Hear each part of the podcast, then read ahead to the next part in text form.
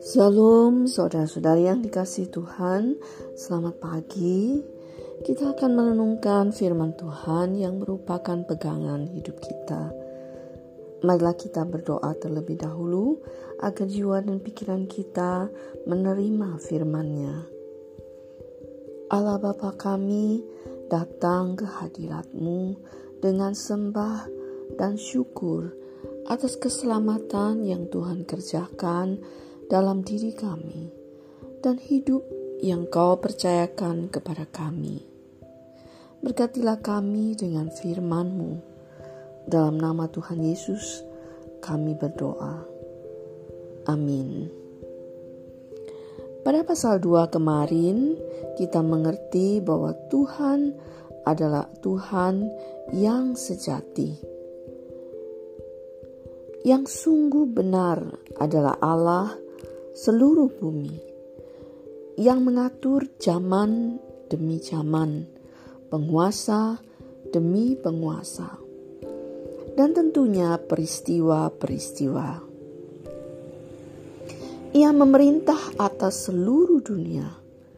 Hal-hal yang besar ini tersembunyi bagi manusia, kecuali Tuhan bersedia menyatakannya. Daniel dan saudara-saudara seimannya, yaitu Sadrak, Mesak, dan Abednego, mengenal Tuhan sebagai yang sungguh-sungguh Tuhan. Maka mereka memohon kepada Tuhan, dan Tuhan berkenan kepada mereka, sehingga diberikan kepada mereka mimpi dan artinya kepada mereka. Daniel dengan berani memperkenalkan siapa Tuhan yang mereka sembah dengan penuh kerendahan hati agar Tuhan saja yang dimuliakan. Hasilnya, Raja Nebukadnezar terkagum-kagum dengan Tuhan Daniel. Ia pun mengakui demikiannya. Sesungguhnya lah Allahmu itu Allah yang mengatasi segala Allah dan yang berkuasa atas segala raja dan yang menyingkapkan rahasia-rahasia sebab engkau telah dapat menyingkapkan rahasia itu. Dari ucapan raja ini, tampaknya raja telah percaya. Nah, pada pasal 3 ayat 1 sampai 7, Raja Nebukadnezar menyuruh membuat patung yang sangat besar dan tinggi berlapis emas. Dan semua penguasa daerah di wilayah kekaisaran raja harus sujud menyembah patung itu.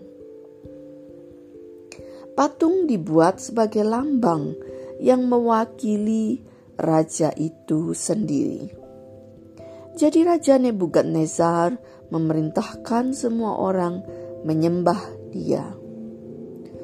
Tindakan Raja Nebukadnezar ini menunjukkan bahwa dia melupakan kekagumannya kepada Tuhan Allah yang sejati, yang menyingkapkan misteri masa depan.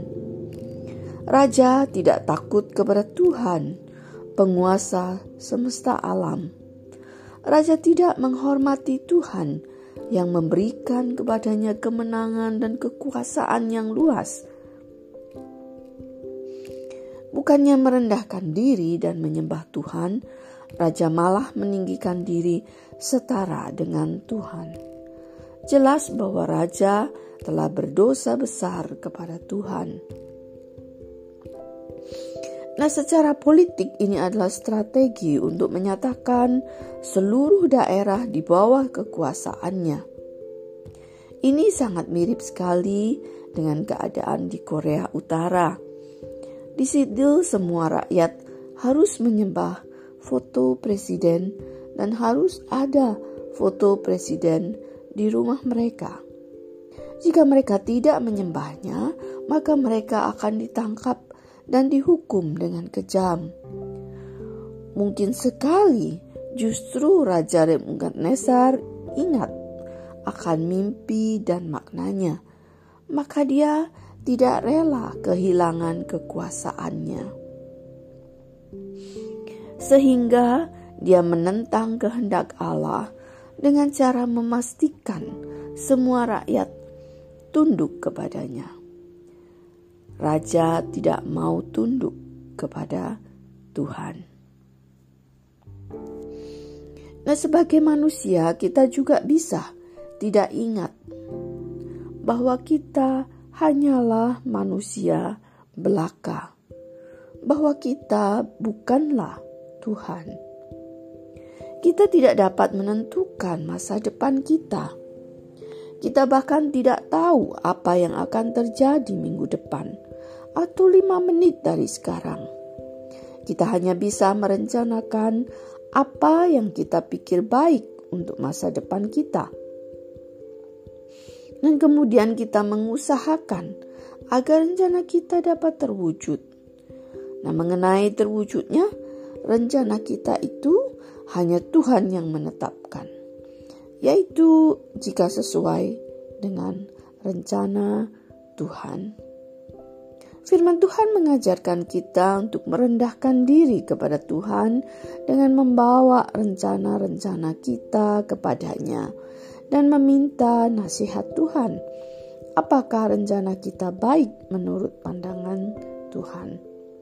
Jika baik dalam pandangannya, maka ia memberkati rencana kita sehingga terwujud dan berhasil dan kita mengalami damai dan sukacita. Kita tidak boleh menyombongkan diri, menganggap diri kita pandai, kuat, mampu mencapai maksud-maksud kita. Jika kita memiliki sikap hati seperti ini, maka kita telah menyamakan diri kita dengan Tuhan. Jika kita memiliki sikap hati yang sombong seperti ini, ini sama dengan mengatakan kepada Tuhan bahwa Dia bukan Tuhan. Ini sama dengan mengatakan bahwa kita tidak percaya bahwa ada Tuhan. Ini sama dengan menolak Tuhan. Ini sama dengan memberontak kepada Tuhan. Kita tidak mengakui Tuhan. Mengapa kita mudah terjatuh dalam kesombongan ini? Karena sebenarnya kita ingin sekali untuk mengetahui dan memegang masa depan kita. Kita ingin mengontrol masa depan kita, dan kita mau mengontrolnya dari masa sekarang. Nah, tidak salah kalau kita melakukan hal-hal yang kita perkirakan berguna untuk masa depan tetapi sangat berdosa ketika kita bersandar sepenuhnya pada hal-hal tersebut. Kita tidak bertanya kepada Tuhan, kita hanya meminta Tuhan memberkati apa-apa yang kita kerjakan untuk masa depan kita. Kita menjadi sangat marah ketika Tuhan ketika kita telah melakukan hal-hal yang kita pikirkan baik untuk masa depan kita. Dan ternyata ketika kita sudah di masa depan, hal-hal tersebut tidak dapat menolong kita. Kita menjadi sangat marah sekali kepada Tuhan. Nah, saudara-saudariku yang dikasihi Tuhan, Awas-awasilah hati saudara-saudari. Apakah keinginan-keinginan atau kekhawatiran-kekhawatiran telah memotivasi saudara-saudari untuk mengontrol masa depan dengan usaha-usaha sendiri tanpa menghiraukan Tuhan. Marilah kita mengingat bahwa kita hanyalah manusia dan bukan Tuhan. Mari kita berdoa. Ya Tuhan Allah yang memerintah atas seluruh dunia, berikanlah hikmat surgawi kepada kami agar kami jangan menjadi seperti Nebukadnezar yang ingin mengontrol masa depannya dan tidak mengakui Engkau sebagai Tuhan yang mengatur masa depan menurut rencanamu.